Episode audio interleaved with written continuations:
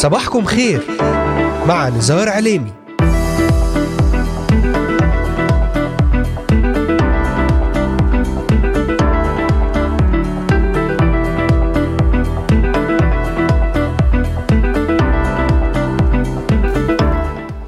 أهلا وسهلا بجميع مستمعينا ومستمعاتنا الكرام وبجميع الذين انضموا الآن لبرنامج صباحكم خير.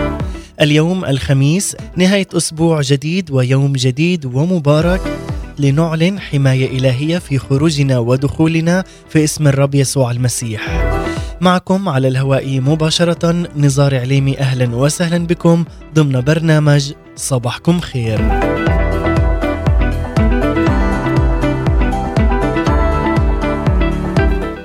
أرحب بمستمعينا من الأراضي المقدسة ومن بلدان الشرق الأوسط وشمال أفريقيا من سوريا، لبنان، مصر، تركيا، الأردن والعراق، ليبيا، اليمن، السعودية والكويت ومستمعينا من أستراليا، أمريكا، ألمانيا وكندا والذين يتواصلون معنا ويتابعوننا على مختلف منصاتنا الاجتماعية لإذاعة صوت الأمل.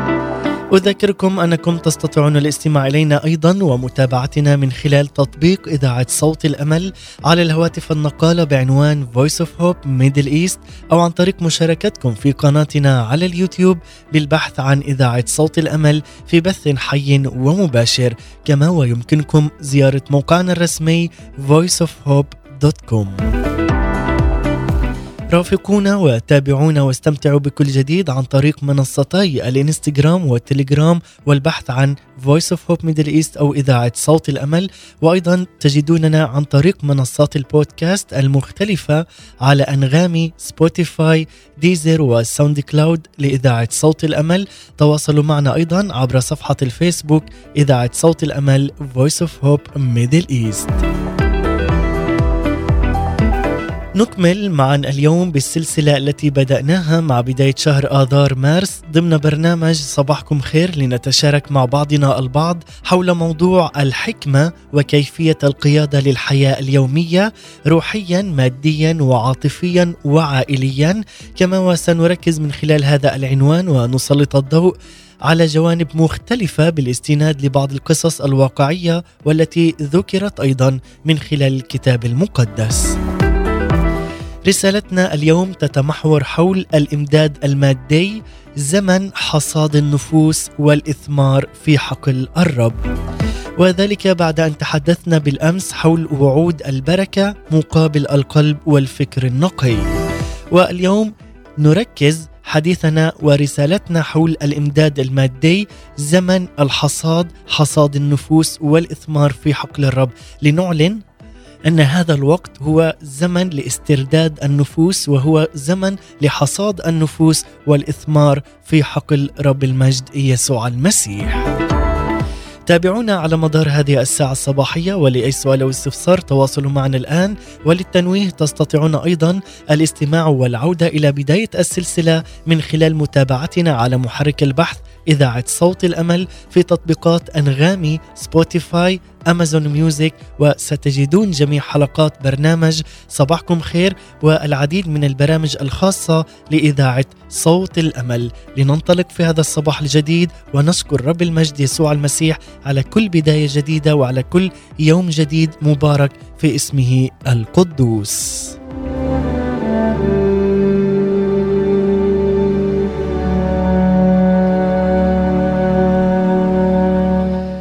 نعم أحبائي كما تحدثت أننا في هذا اليوم سنركز حول زمن حصاد النفوس والإثمار في حقل السيد الرب يسوع المسيح. كما تحدثنا أيضا في الفصلين السابقين وركزنا على الازدهار وهو جانب مهم من ميراثنا في أرض وعود الله. كما ودرسنا أيضا المزمور الأول ورأينا أن الاستقرار والنجاح موعودان لأولئك الذين يختارون المشورة الجيدة والصداقة الحكيمة الإلهية. والذين أيضا يسرون بناموس الله ويتأملون فيه يكونون أيضا من أولئك الذين يختارون هذه المشوره المباركة لحياتهم. وقد رأينا أيضا أحبائي المستمعين أن المبدأ الكتابي لتقديم العشور هو شرط للبركة وهو أيضا اختبار أساسي لرغبتنا في الثقة برب المجد يسوع المسيح وإطاعة صوته وفي هذا اليوم سنغطي أيضا مبدا كتابيا آخر يستند إليه وعد الله بالازدهار لنا وإن فهمنا هذا المبدأ فسيأخذنا أيضا إلى مجال أبعد في مجال الفرح والعطاء. يتناول الإصحاحان الثامن والتاسع لكورنثوس الثانية موضوع إعطاء المال للسيد الرب يسوع المسيح. وكانت أيضا خلفية هذان الإصحاحان هي أن الرسول بولس كان يكتب لطلب تقدمة من مختلف الكنائس لبعض المؤمنين الذين كانوا في احتياج شديد مادي وإحدى الكنائس التي كان بولس يذكرها هنا هي الجماعة الموجودة في كورنثوس التي وعدت بتقديم مساهمات كبيرة. يشرح هنا أيضا بولس في رسالته كيف يريد أن يتم ترتيب إدارة تلك الهدية السماوية وفي القيام بذلك كان يحدد بعض الدوافع والمبادئ الهامة التي يجب أن تحكم تقديمنا للسيد الرب يسوع المسيح. وبالتالي فإن تعليمات بولس مهمة جدا بالنسبة لي ولكل من يسمع إلينا في هذا الوقت لأن هذه الدوافع والمبادئ نفسها صحيحة لنا في هذا اليوم. لذلك عزيزي المستمع وعزيزتي المستمعة دعونا نبدأ بنظرة عامة وشاملة على هذه المبادئ من خلال النظر في كورنثوس الثانية والإصحاح التاسع والأعداد الخامس والسادس. يقول فرأيت لازما أن أطلب إلى الإخوة أن يسبقوا إليكم ويهيئوا قبلا بركتكم التي سبق التخبير بها لتكون هي معدة هكذا كأنها بركة لا كأنها بخل. هذا وإن من يزرع بالشح فبالشح أيضا يحصد ومن يزرع بالبركات فبالبركات أيضا يحصد. عندما يستخدم هنا بولس هذه الكلمات يزرع ويحصد فإنه هنا يستخدم أيضا مصطلحات الزراعة ولكنه يطبقها على المال. فالزرع هو تقديم المال والحصاد هو تلقي المال. هذه أحبائي فقط بداية لما سنتحدث عن هذا اليوم لنكون فيما بعد ونفهم حول فكرة أن هذا الزمن هو زمن الحصاد وأيضا زمن البركة والاسترداد لكل شعب الله. لذلك أنت ابن للسيد الرب يسوع المسيح. فاعلن أن هذا اليوم هو زمن الحصاد زمن الاسترداد لحياتك إن كان على الصعيد المادي إن كان على الصعيد الروحي الجسدي والعائلي. اعلن في هذا اليوم عز المستمع. لذلك أرجو أن نضع في هذه المفاهيم في الاعتبار أثناء متابعتنا لهذا اليوم لأن هذا الأمر الأمر مهم جدا لأنه هنا يعطينا بولس الرسول مبدأ يتعلق بالدافع حول هذه الآية التي تقول من الإصحاح الثاني والعدد التاسع والسابع كل واحد كما ينوي بقلبه ليس عن حزن أو اضطرار لأن المعطي المسرور يحبه الله. أي أنه عزيزي المستمع هنا يتحدث إلينا بهذه الكلمات البسيطة. إذ تريد أن تزرع ازرع من كل قلبك وازرع من كل حب لكي تأخذ حصاد مبارك لحياتك. لا تزرع عن حزن أو اضطرار. لأن المعطي المسرور يحبه الله. إذ أنت تعطي للسيد الرب من كل قلبك يعطيك بركة وحياة بأضعاف. لذلك العبارة هنا اليونانية والمترجمة المعطي المسرور تعني المعطي الفرحان. وتساءل كم منا فعلا فرحان بالعطاء الذي يقدمه. إن كان على الصعيد الشخصي إن كان مالا للكنيسة أو أي تقدمة لأي محتاج أو لأي فقير بحاجة إلى مال أو بحاجة إلى أي احتياجات أخرى كانت. لذلك قد رأينا اناسا من عدة أمم ومختلفة وهي محرومة في العالم. لذلك الرب وضعنا هنا أيضا على هذه الأرض لكي نعطي لهم الفرح. لذلك يقول المعطي المسرور يحبه الله. الله محبة هو يحب الجميع. لذلك في هذا اليوم هذا قرارك عز المستمع. تعال اليوم وفكر به جيدا. إذ كنت أنت فعلا تعطي وأنت بكامل السرور والفرح فتأكد أن لك حياة مباركة بأضعاف. وهذا الزرع هو تقديم لما يسمى زمن الحصاد. سنستمع احباء إلى هذه الترنيمة. سنستمع إلى المرنمة نادية منير لو زاد التحدي ترنيمة جدا رائعة. نرنمها ومن ثم نعود لنكمل. ابقوا معنا.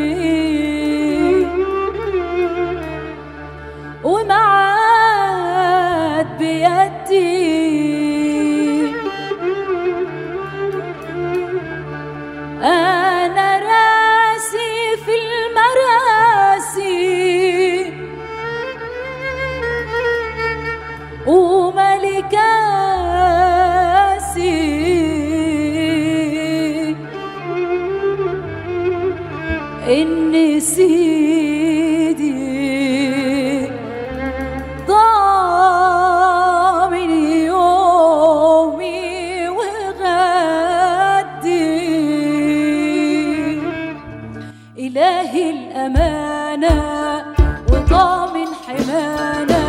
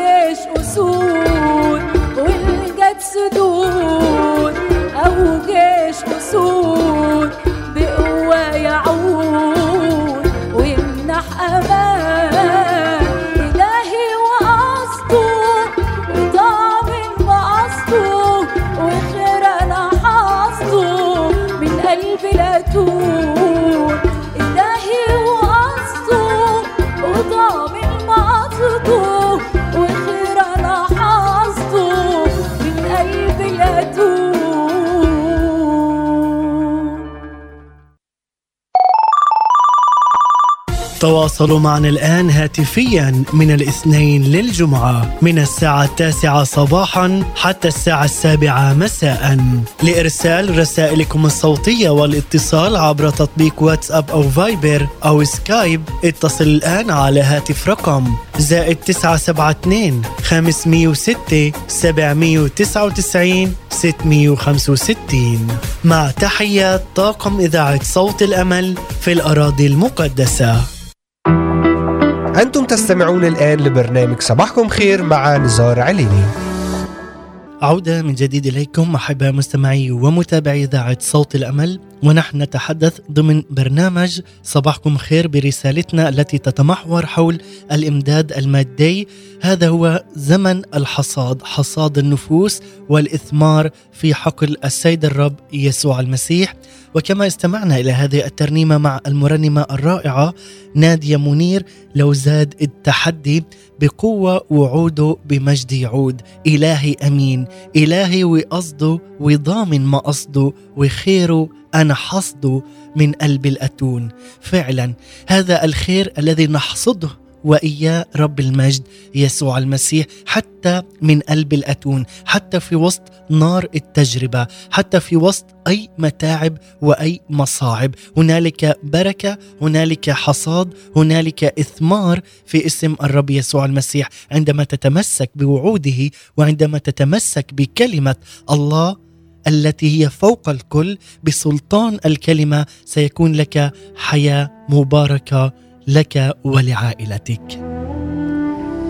لذلك نكمل أحبائي في هذه القراءة من كورنثوس كما قرأنا قبل قليل الإصحاح كورنثوس الثانية الاصحاح التاسع والعدد السابع الذي يقول كل واحد كما ينوي بقلبه ليس عن حزن أو اضطرار لأن المعطي المسرور يحبه الله ويكمل أيضا في الآية آه، الثامنة هنا يقول الله قادر أن يزيدكم كل نعمة لكي تكونوا ولكم كل اكتفاء كل حين في كل شيء تزدادون في كل عمل صالح.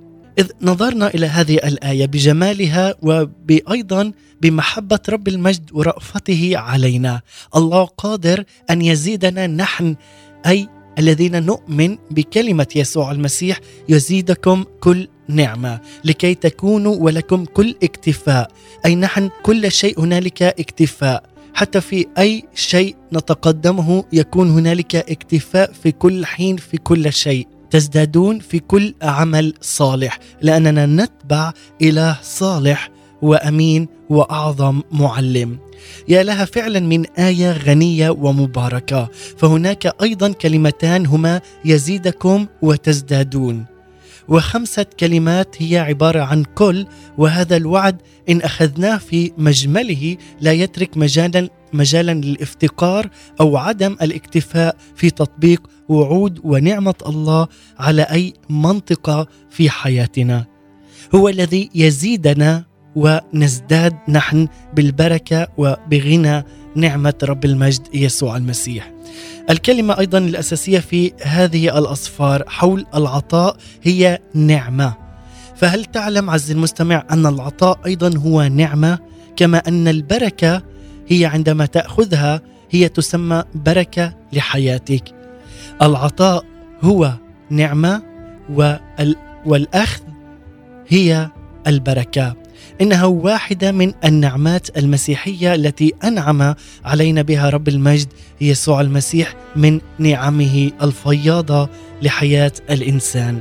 لذلك هنا أيضا يحافظ بولس الرسول على تسلسل التفكير في هذه الآية التالية ومن خلال المزمور المئة والثاني عشر والعدد التاسع يقول أيضا كما هو مكتوب فرق أي الإنسان البار أعطى المساكين بره يبقى إلى الأبد. هنا يكمل أيضا في كورنثوس التاسعة والعدد التاسع يقول هذه الكلمات فرق أعطى المساكين بره يبقى إلى الأبد. لذلك علينا أن نلاحظ أن هناك علاقة وثيقة للغاية بين إعطاء الفقراء والبر الذي يدوم لنا نحن مؤمنين برب المجد يسوع المسيح. وهنا أيضا كلمة فرق هي مرجع زراعي آخر. يوحي هنا للشخص الذي يزرع البذور في حقله ويمكننا هنا تطبيق هذه الإشارة إلى ذبيحة يسوع المسيح من أجلنا. فعندما مات يسوع على الصليب زرع بذرة جسده بديلا عنا نحن الذين أصابهم الفقر الروحي. لذلك هنا يكتب إلينا بولس الرسول عن المبادلة الإلهية التي حدثت بواسطة مقاصد الله المسبقة ومن خلال نعمته على الصليب. لذلك هو أعطانا بكل حب حتى المنتهى. لماذا؟ لكي أحصل أنا على الخلاص بدم يسوع المسيح. فقد تحمل يسوع لعنة الفقر التي جاءت على الجنس البشري بسبب عصيان الإنسان. حتى نكون نحن بدورنا شركاء لثروته. يا لعظمه وقوة وقدرة رب المجد يسوع المسيح. لذلك يقول فإنكم تعرفون نعمة ربنا يسوع المسيح أنه من أجلكم افتقر أي افتقر يسوع هنا وهو غني هو غني وهو مالك هذا الكون وهو خالق هذا الكون. لماذا؟ لكي تستغنوا أنتم بفقره. أيوجد مثل هذا الحب عز المستمع؟ هذا الحب الإلهي الذي يغمرنا بكل رأفة وبركة إن كانت مادية روحية جسدية علينا أن نعلن هذه الكلمات. أن بسبب يسوع المسيح أعطانا هو حياة أبدية ولولا وجود يسوع ولولا تجسد يسوع لما كنا نحن الآن في هذه النعمة. فإنكم تعرفون نعمة ربنا يسوع المسيح. أنه من أجلكم افتقر وهو غني لكي تستغنوا أنتم بفقره. عندما علق يسوع على الصليب كان هو تحت لعنة الفقر وقد كان في عوز كل شيء فالصليب هو أساس المبادلة العظمى. وأساس كل تسديد الله لاحتياجاتنا هو هذا أن يسوع أخذ لعنة الفقر حتى ننال الفيض الذي له بالإيمان. إن كان فقر على الصعيد الروحي أو على الصعيد المادي. هذه هي النعمة فوق نعمة وتظهر تلك النعمة في حياتنا من خلال حقيقة أن الله يجعلها يزيدكم كل نعمة لكي تكونوا ولكم كل اكتفاء كل حين في كل شيء. يقول لنا تزدادون أي نحن في كل عمل صالح. لماذا؟ لأننا آمنا بأن كل بركة صالحة وكل نعمة هي من فوق من عند أبي الأنوار نازلة على كل شخص يؤمن بالسيد الرب يسوع المسيح. لذلك هكذا فإن المبدأ الروحي الذي يخرجه بولس من المبدأ الزراعي للزرع والحصاد هو أن الزيادة تأتي من خلال التوزيع وبعبارة أخرى إن المقياس الذي نوزع به أو نزرع به سيحدد المقياس الذي نحصد به. وإحدى هنا المفارقات الإلهية للطبيعة هي أن التوزيع يؤدي إلى الزيادة. لذلك عزيزي المستمع بينما الحجب يؤدي إلى الفقر. مرة أخرى التوزيع يؤدي إلى الزيادة زيادة البركة على حياتنا. بينما الحجب يؤدي إلى الفقر أي إلى اللعنة. لماذا؟ سنكون مع هذه الكلمة تحديدا ولكن بعد أن نستمع إلى المرنمة يوستينا سمير ترنيمة هيعوضك ومن ثم نعود. ابقوا معنا. thank you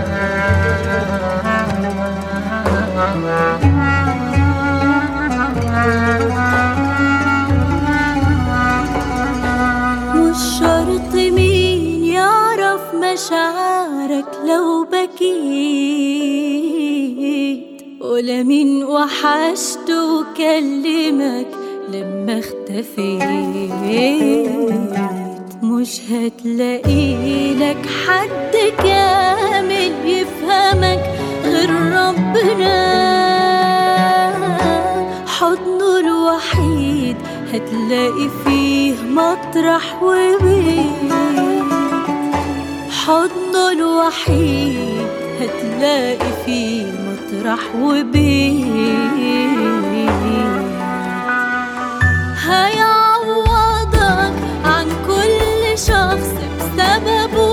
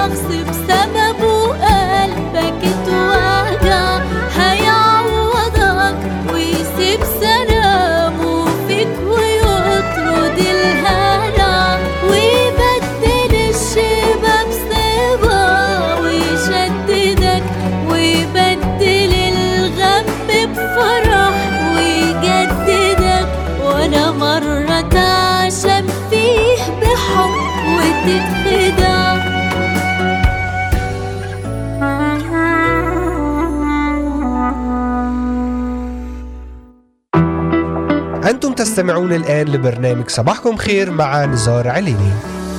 عودة من جديد إليكم. بعد أن استمعنا إلى هذه الترنيمة مع المرنمة يوستينا سمير هيعوضك فعلا لأنه هو إله التعويضات. ونقول في هذا اليوم برسالتنا حول هذا الموضوع الإمداد المادي زمن حصاد النفوس والإثمار في حقل السيد الرب يسوع المسيح. وهو الذي يعوض عن كل الخسائر التي مررت بها سابقا. واليوم نعلن أن هذا هو زمن الحصاد زمن البركات زمن الاسترداد الروحي والنفسي وأيضا حتى العاطفي والمادي على حياتك عزي المستمع. قبل الفاصل تحدثنا حول المبدأ الروحي الذي يخرجه بولس الرسول من المبدأ الزراعي للزرع والحصاد وهو أن الزيادة تأتي من خلال التوزيع. وبعبارة أخرى قلنا أن القياس أو المقياس الذي نوزع به أو نزرع به سيحدد المقياس الذي نحصد به. وإحدى المفارقات الإلهية للطبيعة هي أن التوزيع يؤدي إلى الزيادة بينما الحجب أي حجب التوزيع يؤدي إلى الفقر. إن كان هنا فقر روحي أو فقر مادي. فتخيل مزارعا سعيدا لأنه في حوزته بعض البذور الرائعة للغاية والناضجة إلا أنه يقول لنفسه هذه البذور جيدة جدا لدرجة أنني سأتمسك بها. لن أزرع ايا منها في الأرض. فما مقدار العائد الذي يجنيه هذا المزارع من تلك البذور؟ لا شيء ابدا. فستتلف وتموت في الأرض. لذلك في جميع أنحاء الكتاب المقدس نرى أن البخل إن كان على المادي أو الروحي يؤدي في النهاية إلى الفقر. لذلك إن أردنا الازدياد يجب أن نوزع وننشر البذور التي لدينا بذور الإيمان. بذور الخير بذور البركة على من هم حولنا. هم الذين يريدون هذه البذور وينتظروك عز المستمع أو ينتظروك يا عزة المستمعة لكي تنمي معهم هذه البذور وبالتالي يكون هنالك نضج روحي وفكري وأيضا مادي. هنالك أيضا علامة للبر. دعونا أيضا ننتقل إلى المزمور المئة والثاني عشر وهو المزمور الذي يقتبس بولس منه في كورنثوس الثانية الإصحاح التاسع والعدد التاسع. وسنأخذ هنا أيضا بعين الاعتبار بشكل خاص الآيات التي تصور رجلا يتمتع بالبر المتميز والذي بنيت حياته بقوة على أساس كلمة الله وعلى أساس خوف الرب يسوع المسيح. يقول هنا في المزمور المئة والثاني عشر والأعداد الأول حتى الثالث وأيضا العدد الخامس حتى التاسع. طوبى للرجل المتقي الرب المسرور جدا بوصاياه. نسله يكون قويا في الأرض. جيل المستقيمين يبارك. رغد وغنى في بيته وبره قائم إلى الأبد. سعيد هو الرجل الذي يترأف ويقرض. قلبه ممكن فلا يخاف حتى يرى بمضايقيه. فرق أعطى المساكين. بره قائم إلى الأبد. نقول في هذا اليوم مجدا للسيد الرب. وعلى هذه الآيات المباركة. الآيات التي تباركنا في كل يوم. هذا هو الوعد بالبركة المستمرة من جيل إلى جيل. هذا هو الغنى في بيت الرب. هذا هو البر القائم إلى الأبد.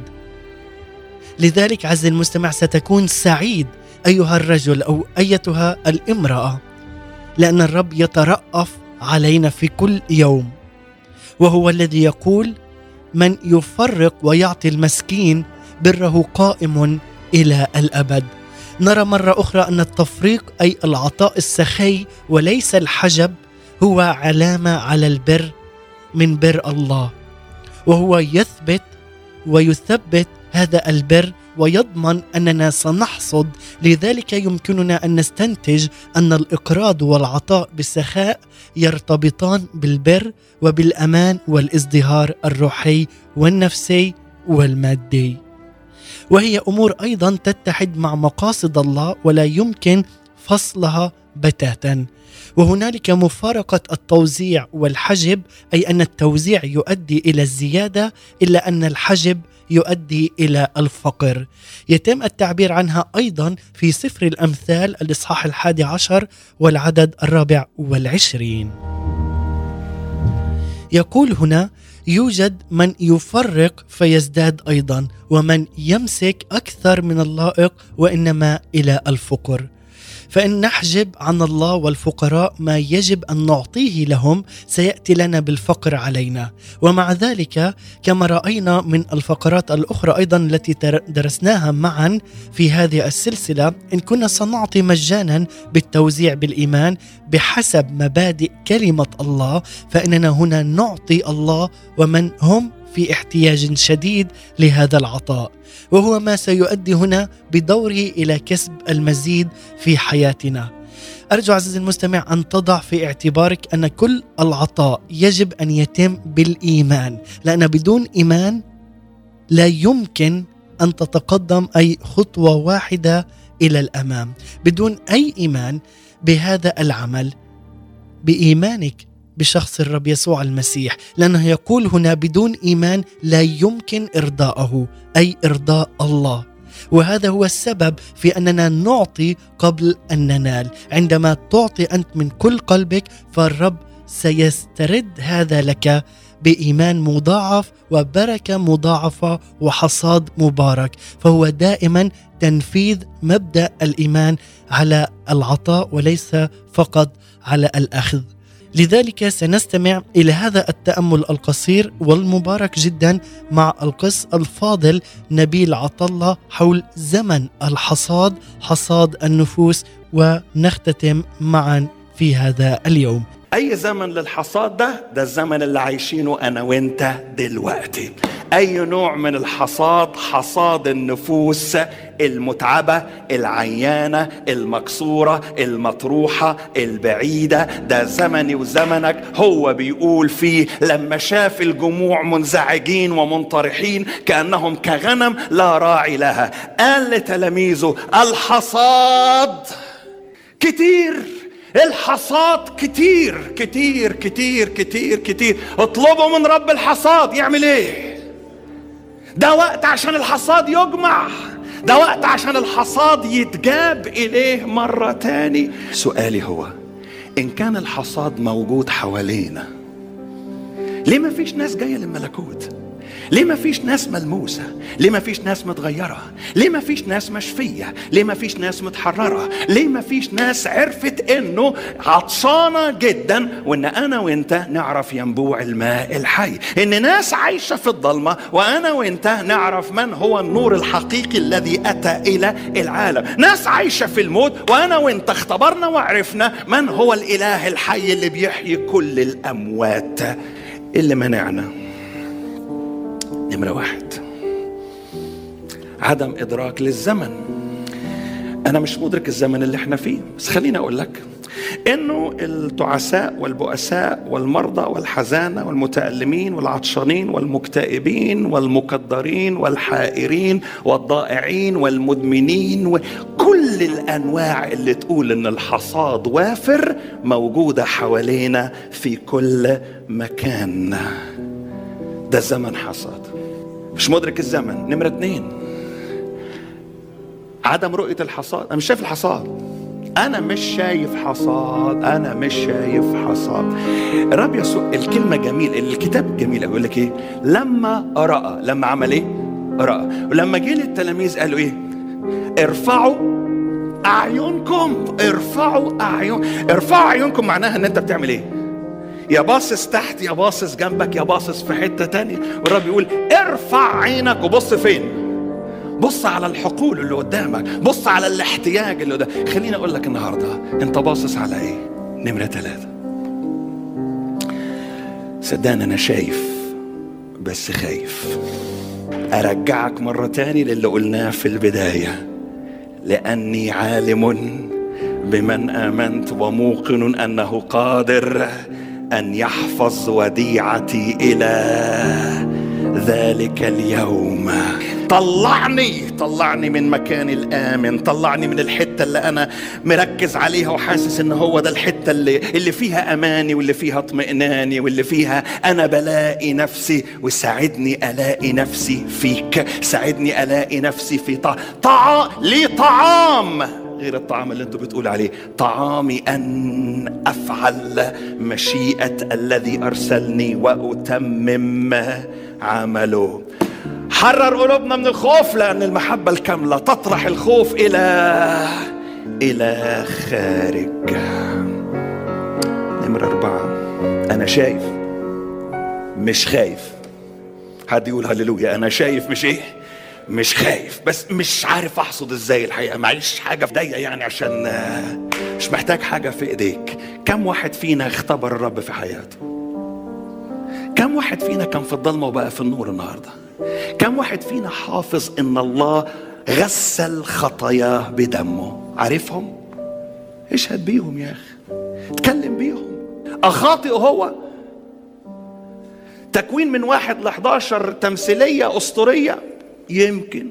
نوح ما كانش موجود ما أعرفش آدم مش إنسان حقيقي. صدقني علم علمك والعلم عند الله.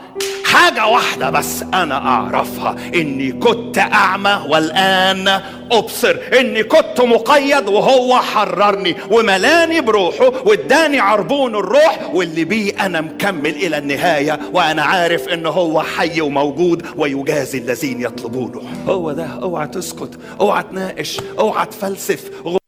فلسفة الباطل. كل اللي أنا محتاجه واللي أنت محتاجه إن أقول للرب إديني نعمة أعرف أشهد. ابتدي حصادك بالصلاة. ابتدي حصادك إنك تطلب لأجل اللي منين ما ابتديت تطلب أنت ابتديت تشوف. ابتديت تشوف الاحتياج. ابتديت تشوف الناس اللي محتاجة حواليك. ابتديت تشوف اللي ميتين. اللي طالعين معاك في الأسانسير. اللي نازلين معاك مع السلم. اللي ابن الجيران عايز ترميه من الدور الرابع بسبب الإزعاج اليومي اللي بيعملوه لك الظهرية لأنك مش عارف تنام. نفسي أقول لك إنه مش الشرير اللي محركه. الرب اللي محركه علشان يوقظك ويقول لك اصحى وصلي لخلاص هذا البيت.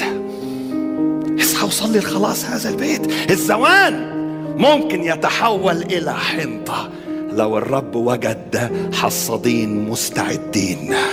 عندهم وقت وعندهم قلب وعايزين يدوا الرب أفضل ما لديهم والباقي في عمرهم. فرح قلوبنا في زمن الحصاد. أنتم تستمعون الآن لبرنامج صباحكم خير مع نزار عليني.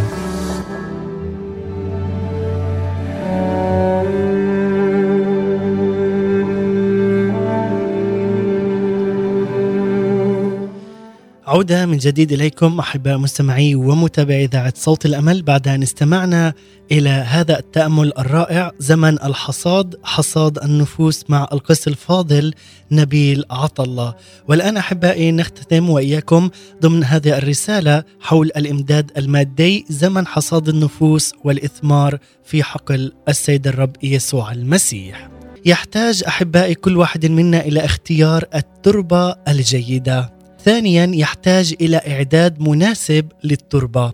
ثالثا كل واحد منا يحتاج إلى إدارة مشروعة بالكامل بشكل جيد. لذلك إن كان أحد المزارعين يسير في الشارع الرئيسي لمدينته ويوزع بذوره يمينا ويسارا في قنوات المياه فلن يجني شيئا ابدا فالمكان الذي فيه يوزع يصنع فرقا كبيرا. وهذا هو السبب أنه على أمل الحصاد الجيد يستثمر المزارع في التربة الجيدة والإعداد الجيد والإدارة الجيدة. لذلك عز المستمع في نفس المبدأ فيما يتعلق باستثمارنا في ملكوت الله فإن زرعنا بحكمة سوف نجني الكثير. وبالتالي يجب ألا نعطي بحسب الدافع أبدا أي بدافع عاطفي. وبدلا من ذلك يجب علينا أولا أن نبحث بإخلاص تام وبعناية إلهية عن خدمة وحتى عن مؤسسات الله القائمة على مبادئ كتابية ومناسبة لنا. لذلك يجب أن نستثمر في أولئك الذين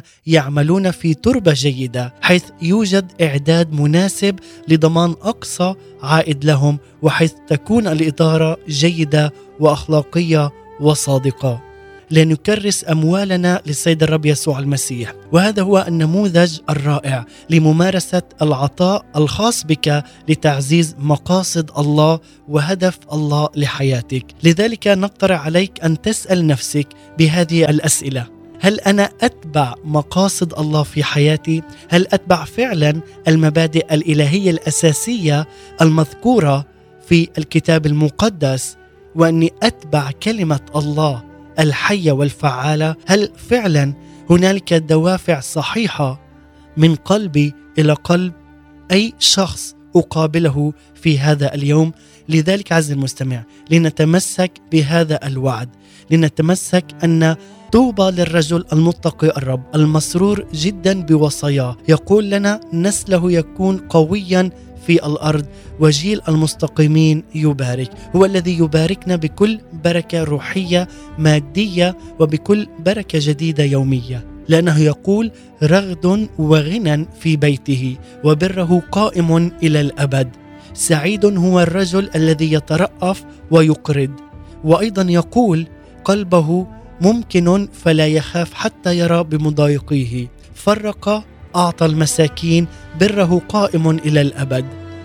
ما أجمل أن نتمسك بهذا المبدأ. هذا هو المبدأ الروحي الذي أيضا أخرجه بولس الرسول من المبدأ الزراعي للزرع والحصاد وقال أن الزيادة تأتي من خلال التوزيع. التوزيع يؤدي إلى الزيادة أي زيادة البركة على حياتنا بينما الحجب يؤدي إلى الفقر لربما الفقر الروحي والنفسي وأيضا على الصعيد المادي.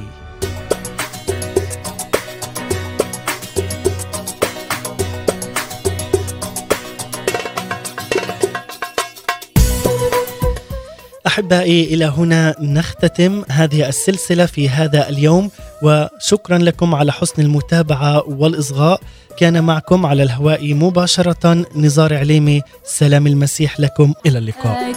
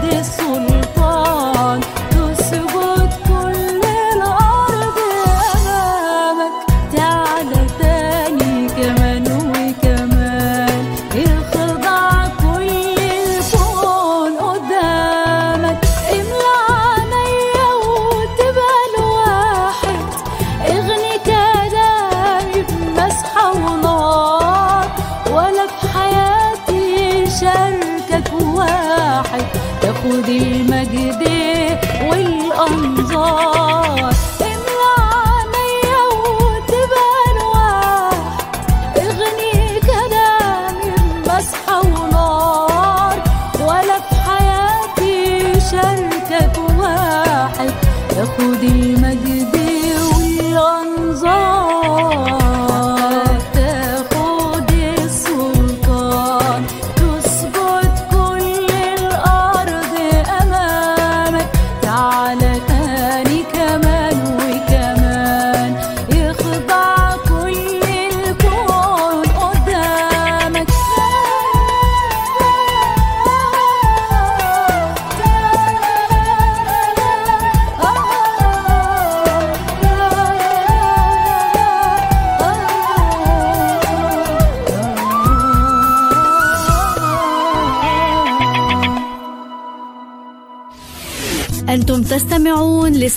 أمل إذاعة مسيحية للشرق الأوسط From the shore of the Sea of Galilee This is the voice of hope Christian radio for the Middle East A strategic communications broadcast station